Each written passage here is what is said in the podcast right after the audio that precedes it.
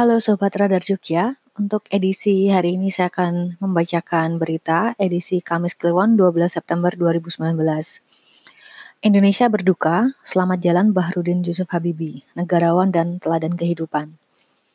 Bahrudin Yusuf Habibi atau B.J. Habibi lebih dari seorang presiden. Dia negarawan, bapak teknologi Indonesia dan ilmuwan kelas dunia, juga pria penuh kasih yang terus merawat cinta sucinya hingga nafas terakhir terhembus. Ibu Pertiwi berduka, salah seorang putra terbaik Indonesia, B.J. Habibie wafat kemarin.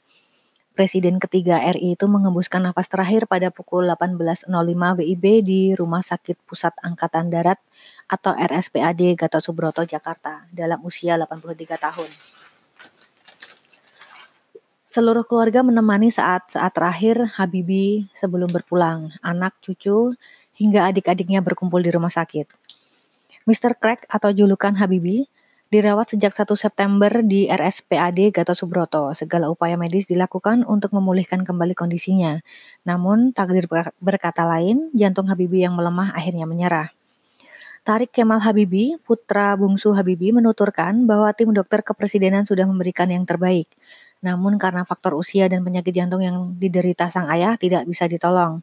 Organ-organ tubuhnya pun turut melemah. Sementara itu, Presiden Joko Widodo langsung datang ke RSPAD Gatot Subroto kemarin petang.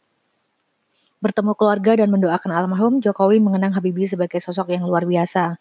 Bukan hanya sebagai Presiden RI, tetapi juga seorang ilmuwan kelas dunia dan bapak teknologi Indonesia. Di usianya yang tidak muda, kata Jokowi, kepedulian Habibie kepada bangsa dan negara tidak pernah luntur. Setiap ada persoalan bangsa, Habibie selalu melakukan komunikasi dengannya dan memberikan solusi. Menurutnya, Beliau adalah negarawan yang patut dijadikan contoh dan suri teladan dalam kehidupan. B.J. Habibie sendiri dikenal sebagai sang jenius yang lahir pada tanggal 25 Juni 1936 di Parepare, Sulsel.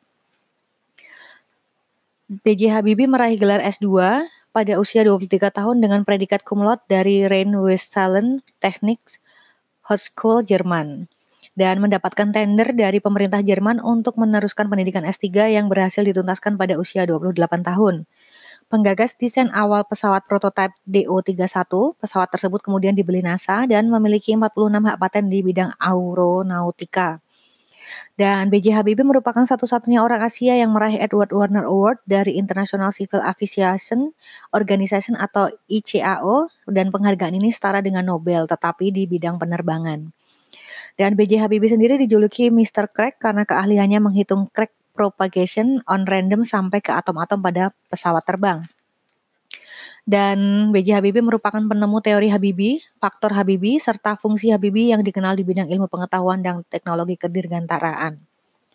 Teori dan faktor metode itu dibukukan dalam sejumlah jilid advisory group for Aerospace Research and Development. Buku tersebut merupakan pegangan untuk mendesain pesawat terbang standar NATO.